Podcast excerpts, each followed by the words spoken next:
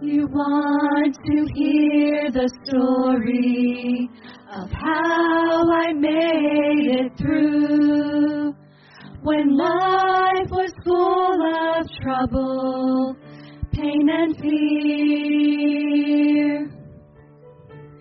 The answer may sound simple, though everything else crumbles. One thing has remained through all the years. I still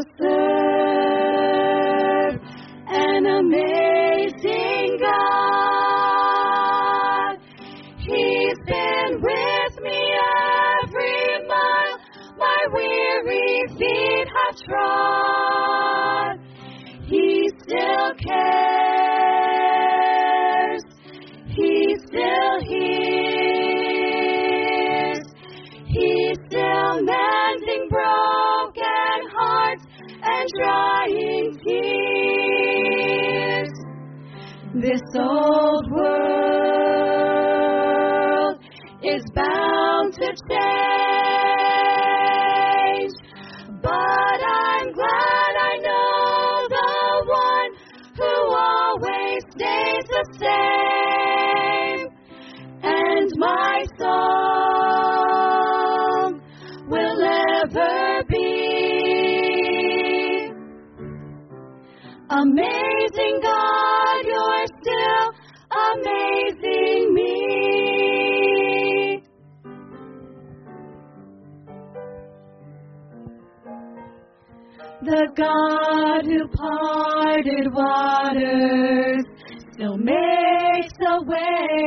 today. He's always brought me through the troubled seas. The one who fed the thousands, whose words can calm the tempest. He's my bread of life, and He's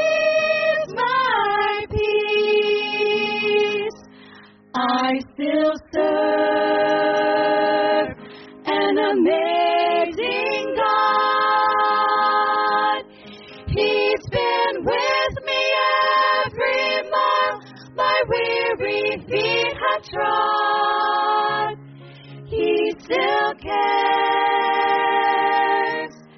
He still hears. He's still mending broken hearts and drying tears. This old world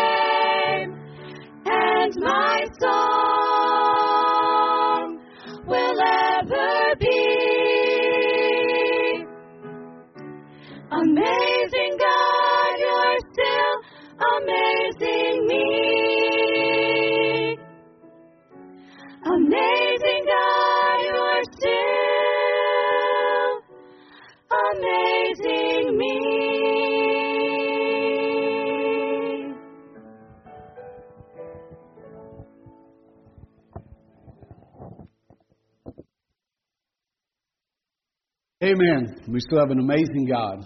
He always has been. Sometimes we just have to remember that. Amen. Pastor Melvin Williams, come on and preach us this time. Look forward to it.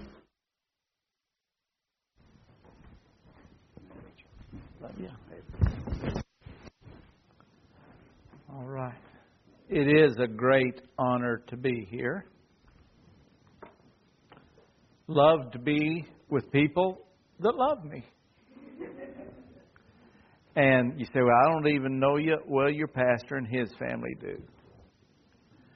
Glad to have my wife with me today. We're newlyweds. We're not new at being wed, but we are newlyweds. We've been married two months and one week today. And, uh, but together we have about 110 years of marriage. She was widowed six years before we married. I was widowed, not quite a couple, but uh, we're trying it again. And now it doesn't matter how much experience you got at this being married. When you start over again, there is a time of adjustment. I just tell you that for sure. Romans chapter 8 the last verses beginning in verse 35 is where we're going to talk about no greater love. Now we're in February, that's the love month with Valentine's and all of that stuff. But we're breaking into spring, and that's weather that I love. I love the spring. You guys don't know about winter, but I do, and I don't like it. But I sure enjoy spring love it. And uh, as I'm loving the weather, there's other things that I love, a lot of things. But the greatest part is being loved. He who loved us when we didn't love him. What an amazing thing. Romans chapter 8, beginning in verse 35. Who shall separate us from the love of Christ?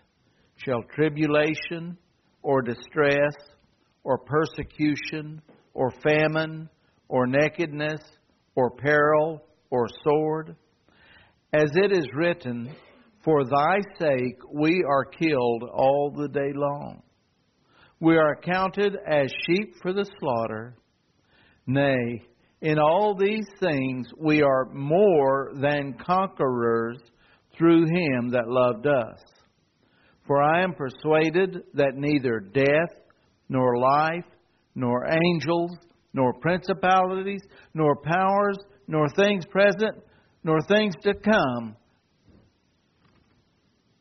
nor height, nor depth, nor any other creature shall be able to separate us from the love of God which is in Christ Jesus our Lord. Father, help me now to bring a message from your word that's clear, that's helpful, that's absolutely truthful, that's anointed by your Holy Spirit, that we can leave here saying it's been good to be in the house of the Lord. Touch the hearts of those here who aren't saved yet. God, help them to see how much you love them. Be with those of us who are saved and renew our dedication and love for you because you are so faithful to love us. Thank you for the special song that fit with the message so well. Now, Lord, help me to be your instrument to deliver your message. In Jesus' name I pray. Amen.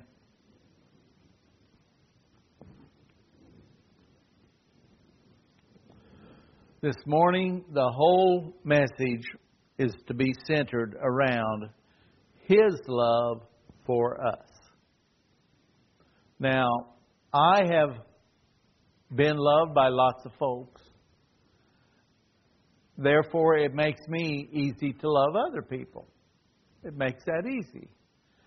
Uh, some people have been hurt, Oh, I guess I have a few times. But I've been loved a lot more than I've ever been hurt by love. So I'm fortunate in that I, it's easy for me to reach out and to love folks. When the Hewitts came, that was a unique time in our church. I started to say I got this idea, but I think it was of the Lord. Whenever this young couple with these, back then the girls were all cute. Uh, I don't know. Katie, being the oldest, was maybe eight or nine, somewhere in there. And then the other five, less than that. I told, the, I went back home from that meeting and told the church what we were going to do, and they got behind it. I said, Now, please. Now, when I met them, they were traveling in an old station wagon, eight of them. Uh, by the time they got to our church, they had upgraded a little bit to a motorhome. But it's still eight people in a nice sized motorhome that's crowded. And and before they came, I told the people, we're going this, we're going to make their Christmas. Don't buy these little girls a bunch of stuffed animals. Because if you do, the folks at the next place they go to will really appreciate it. And so one lady who had never sewn before, she made all the girls dresses. That's love. If you've ever raised little girls, they had enough new underwear to throw the rest of them away. Say that wasn't much of a Christmas present. It was for the mama. and we did things like build a bear and Chuck E. Cheese's and that's the first time those girls had ever used a credit card. Man, they took to it just like that. Silver Dollar City. We had to stop on the way to Silver Dollar City and we bought them all stocking caps and gloves. Just a good fun. That's Christians loving on Christians. That's all that was.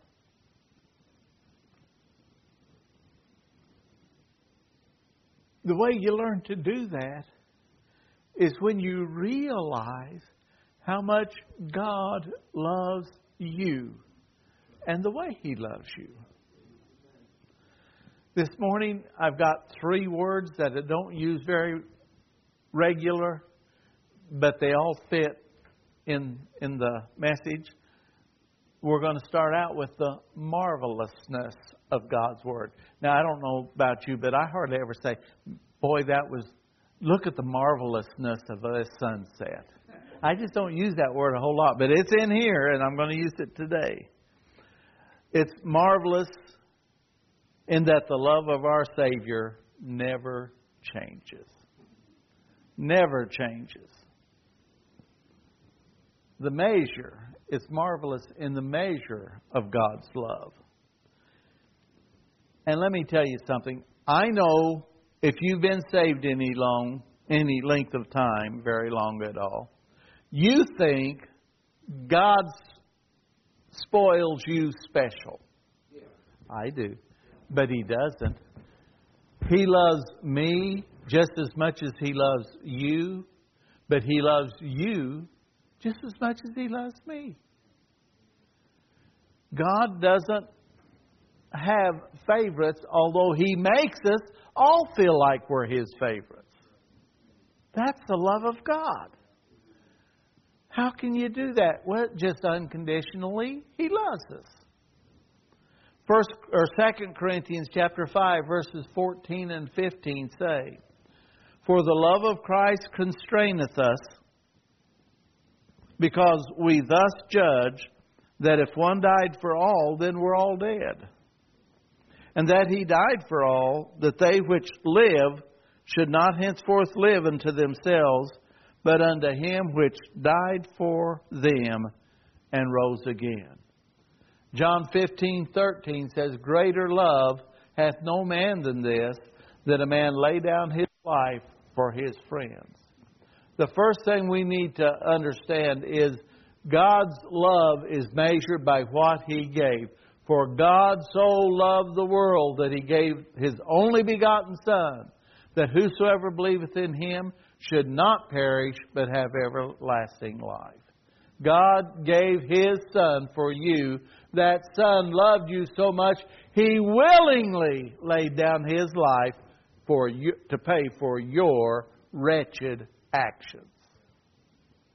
See, if you weren't a vile sinner, God didn't have to die for you. But because we are, He did. And He did it because He loves us. That's marvelous. His love is marvelous in its meaning. The meaning of Christ's love is a simple one. Romans 5 8. God commendeth His love to us in that while we were yet sinners, Christ died for us. He loves you. So He gave Himself for you.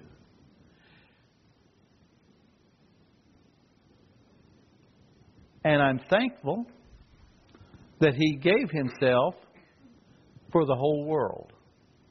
Not just for those who live in Florida or those who live in Missouri. He gave Himself not just for Americans, He died for the whole world. And He didn't exclude anyone. We don't have an exclusive salvation, it's available to everyone regardless who you are or what you have done. It's a free gift. But as a free gift, no one can force you to take it. No one can make you get saved. But while it's a free gift, you must request it. It's not showered on you without your acceptance. In order to be a partaker of it, though Jesus will not demand that you do it, he does demand that to go to heaven that you are saved. I don't know if I said that right or not. But you don't have to accept him as your Savior but you have to accept Him for Him to be your Savior. You have to trust Jesus to be born again. You just have to.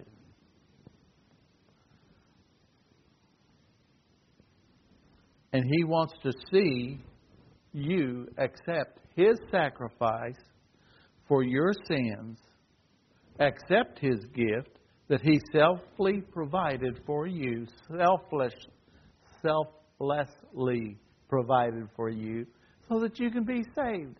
And you know what caused him to do that? Love. His love for you is why Jesus Christ went to the cross. His love for you is why you can be saved. His love for you is why He paid for your sins and you don't have to. That's love.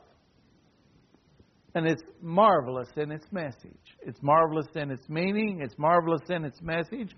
While Christ died for all men, while the meaning of His love is so that you can have a chance to accept Him as Savior, it is also consistent in His message. You must be saved to be a partaker of His love.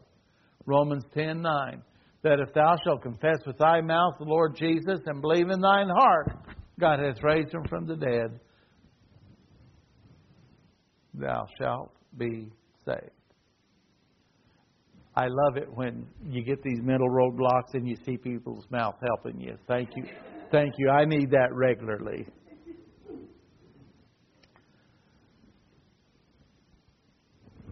Because of his marvelous love, every man, woman, boy, and girl who is here today, who has ever been born, can be saved.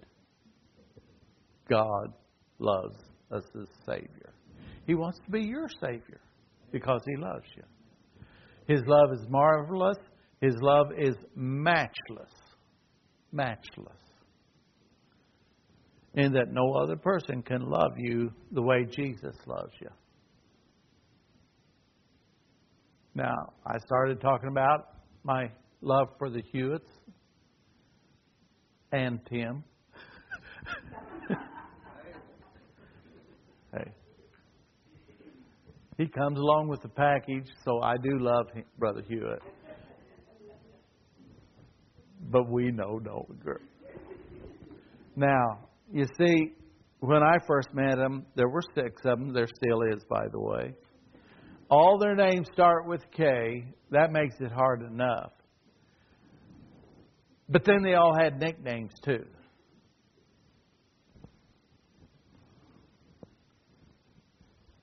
So I named this one Princess, then this one Princess.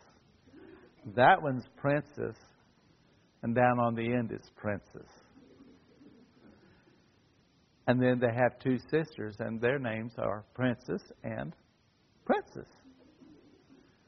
Now it's my job then, because I love Princess, to make them all feel like they're worthy of their name. They're my princesses. Amen. What love? But my love for them cannot compare with the love God has for them and for you. I can't do for them or anyone else what God wants to do for you. What He wants to do for you.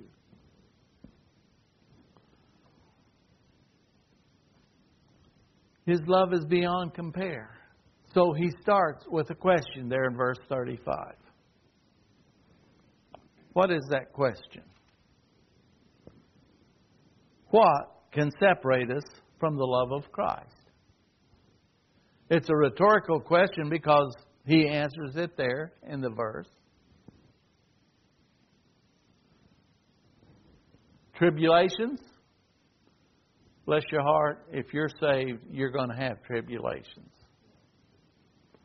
You're going to have them if you're not saved, so why not have God there to help you through them?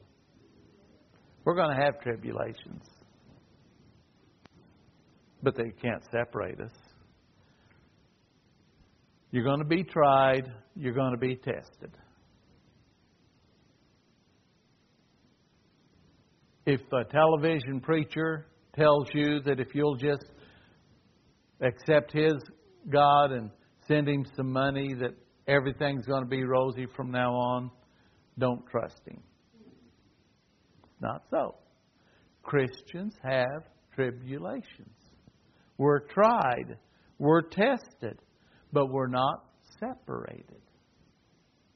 There's a difference. Amen? Distress. we have great distresses. Watching my wife get sick and pass away was distressful. Years ago, I got a call on the telephone and it said, Are you Reverend Williams? No, but I, I was the pastor of a church, so I said yes. I'm afraid I have some bad news about one of your parishioners from a Catholic hospital. And I said, Oh, who is that? And she said, Elaine Williams. We found some of your pamphlets in her car. They were tracts. And I said, She's not my parishioner, she's my daughter. Is she going to live? They said, No, She's not living at all. And she had perished in a car accident that afternoon. Distress, shock, heartache, emotional distress, physical distress,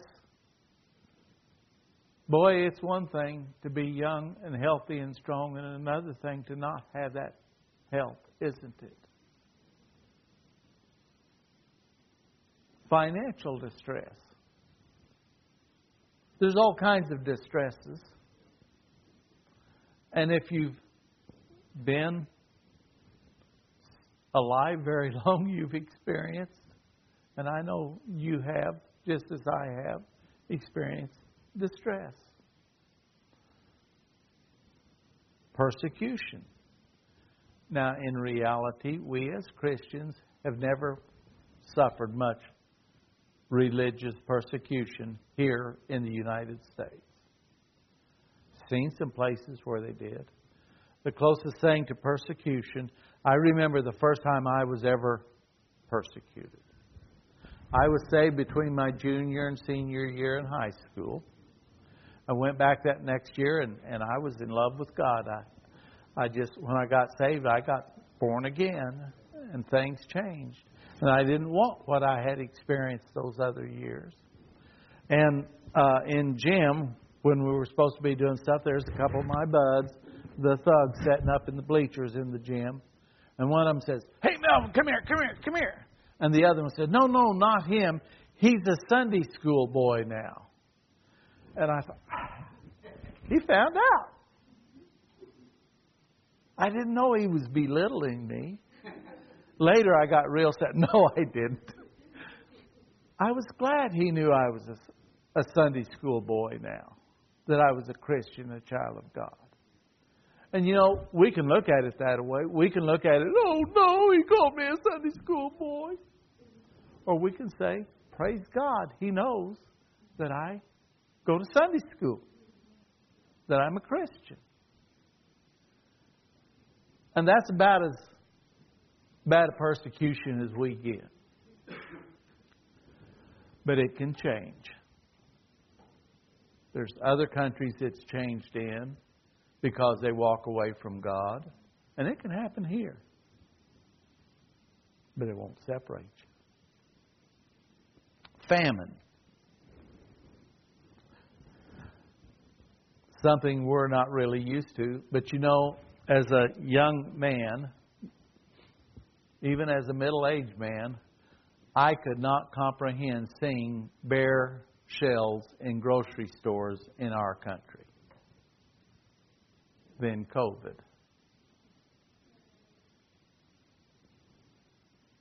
Amen. It could happen.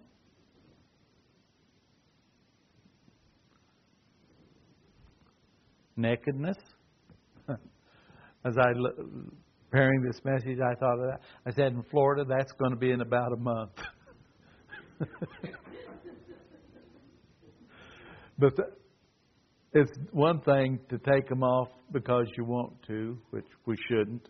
Another thing, not to have anything to put on to begin with, isn't it? Be cold and not have warm clothing praise God for the age we've lived in. Most of us have never seen that. But it's possible. Many Christians have. Peril.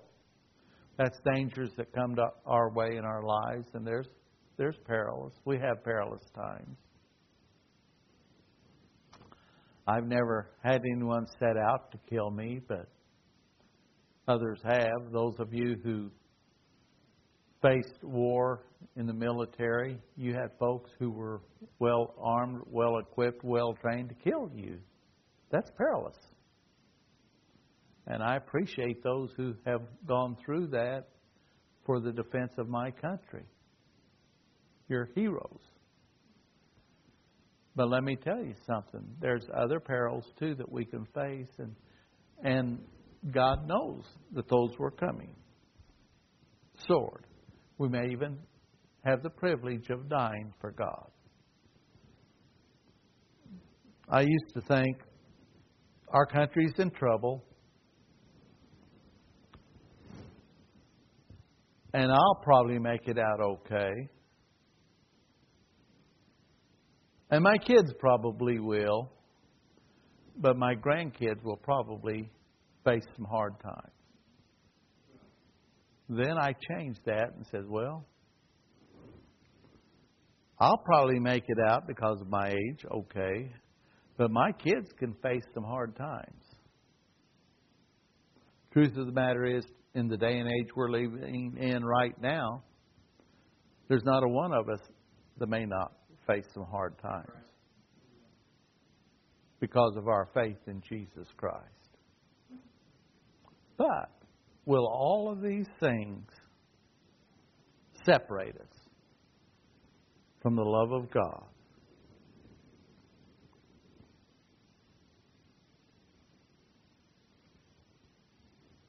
Nothing can separate you from the love of God. He loves us unconditionally.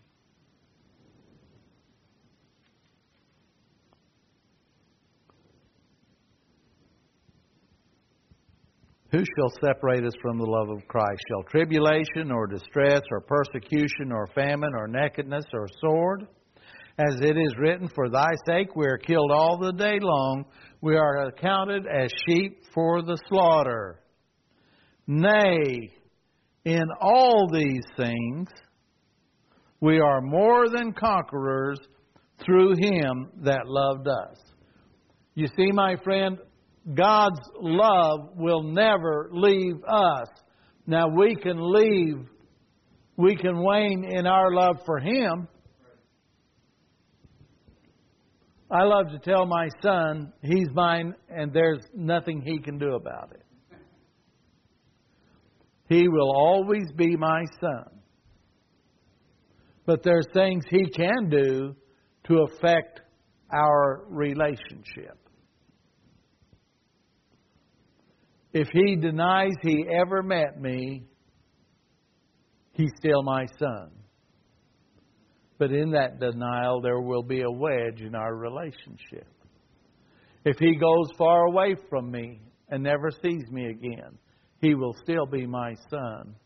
But there will be a schism in our relationship. If he does things purposefully to hurt or defame me, he will still be my son. But we may have absolutely no relationship. And I can go on and on. There's he's my son, he was born into my family, there's nothing he can do about it. But he can do a lot to affect our relationship. If you're born again through the blood of the Lord Jesus Christ, you've repented of your sins, ask Him to come into your heart and save you. There's nothing you can do about it. You're God's child. But you can do a whole lot to affect your relationship with Him. Now, because of my son's love for me, I don't see him doing any of those things. Because he loves me. And yet, with a greater love, God loves people. God loves us. And I see those who profess to have been born through the blood of Jesus Christ do all those things that I've mentioned to affect their relationship with Jesus Christ.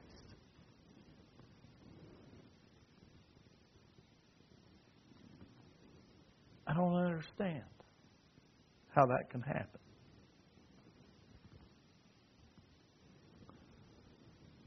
God loves us with a strength, a mightiness that we can't comprehend.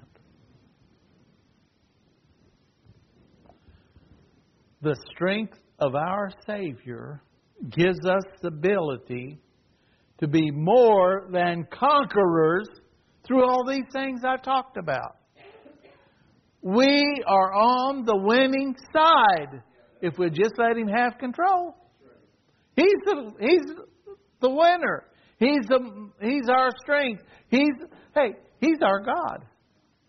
He's our Savior. He's dependable. The love of my Savior, the love my Savior has for me, is one that enables me to be more than a conqueror through Him. Now, we don't ever want to say, Yeah, I'm a Christian, so watch what I can do. I'll show them you're getting in over your head because the devil is stronger than we are. He's mightier than we are. Hey, he's smarter than we are. He has a very simple program. It worked with Adam and Eve, and it's worked with all their kids. The lust of the eyes, the lust of the flesh, and the pride of life. He used those three things on Eve and all of those who've been born afterwards. Every son of man has fallen to those things. Well, what about Jesus? He was not the Son of Man, He's the Son of God. Always was, always will be, always has been. He was born of a woman, but not of a man. His love conquered death, hell, and the grave. I'm going to heaven. I'm as sure of heaven as if I'd been there 25 years already. My family that's gone on before, I'm going to see in heaven. I got uh, a note, was it yesterday or the day before? My last cousin on my mother's side passed away. But he was one of those independent, fundamental Baptist preacher guys with a testimony of salvation. Now, when I knew him running the streets of Los Angeles, we were thugs. But you know what happened to him? Same thing that happened to me. God moved in and changed him. Yeah. Now he's in heaven. My parents are in heaven because of the blood of Jesus Christ. And I'm going to go to heaven because he saved me. And if you'll let Him, He'll come in, save your soul, and you can be just as sure of heaven as I am or anyone that's already there. I'm going to take time to give you this. When I first got saved, the devil would come around and talk to me. He said, You think you're going to heaven? Yeah. God don't want you in heaven. Why would he want you in heaven? See, I knew me really well. I don't know why he would want me in heaven. Do you think heaven's full of people like you? And we had these conversations.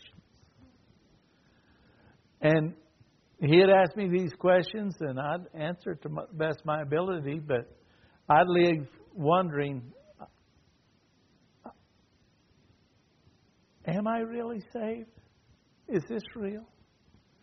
But see, I did something that he hates. I got to reading my Bible one day. And I read Romans 10, 9 and 10. Like I quoted a while ago, that if thou shalt confess with thy mouth the Lord Jesus, and believe in thine heart that God hath raised him from the dead, thou shalt be saved. For with the heart man believeth unto righteousness, and with the mouth confession is made unto salvation. And I said, Now, devil, I did that. And I believed in Jesus Christ when I did that. So, if there's ever been anyone go to heaven, if there's anyone in heaven now. If there's ever going to be anyone in heaven, I'm going because the Bible said so, so you be quiet. No, I didn't. I said shut up. Shut up and leave me alone. And I was an older teenager when I came to that realization, and I'm a little out of my teens now, about six decades, and I still believe it's so. and I've been saved ever since. Why? Because God's Word says so. That's the power the mightiness of His love.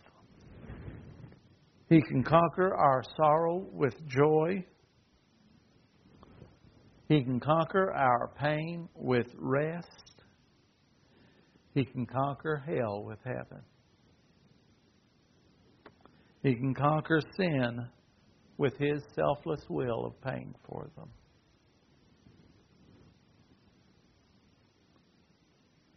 Because of His mightiness in Christ's love, I know that I can withstand whatever comes my way, but only with the help of my personal Savior, Jesus Christ. And you're available with that. That love is available to you also. Do you see that there could be no greater love than that of Jesus Christ for you? If you're here and you haven't trusted Jesus as your personal Savior yet, I want to give you a verse. It's this Isaiah 118. Come now and let us reason together, saith the Lord. Though your sins be as scarlet, they shall be as white as snow. Though they be red like crimson, they shall be as wool. God loves you so much, my friend, that regardless what you've ever said, what you've ever done, He wants to forgive you of your sin and save your soul. There's no greater love. Christian, have you lost the remembrance of your love for God? Have you lost the remembrance of Jesus' love for you? How long has it been since you got on your face before God in earnest prayer and said, God, thank you. I love you. Now, fellas, we know our wives like to be told that, amen? And truth be known, we like hearing it also.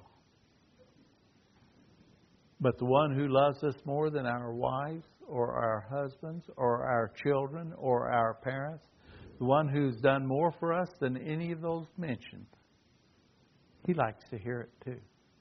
How long has it been Christian since you told God, I love you because you first loved me? Let's all stand. If you're here today and you haven't experienced the love of God, you need to be saved. This is the day that you can be saved.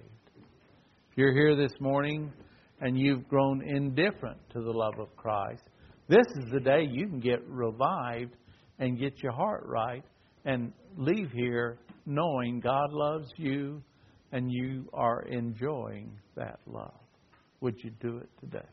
Let's go to the Lord in prayer. Then Brother Hewitt's going to come. Father in heaven, ask you to be with us today. Cause that one that's nearest hell in this building to humble themselves and come to you, trusting you as eternal Savior. Pray for those of us who are saved. Maybe we've just gotten accustomed to being loved by God and we take it for granted. Oh, God, help us to not take your great love for granted anymore, but be a grateful, thankful person. Work in our hearts, Lord, every one of us. In Jesus' name I pray. Amen. Brother Hewitt.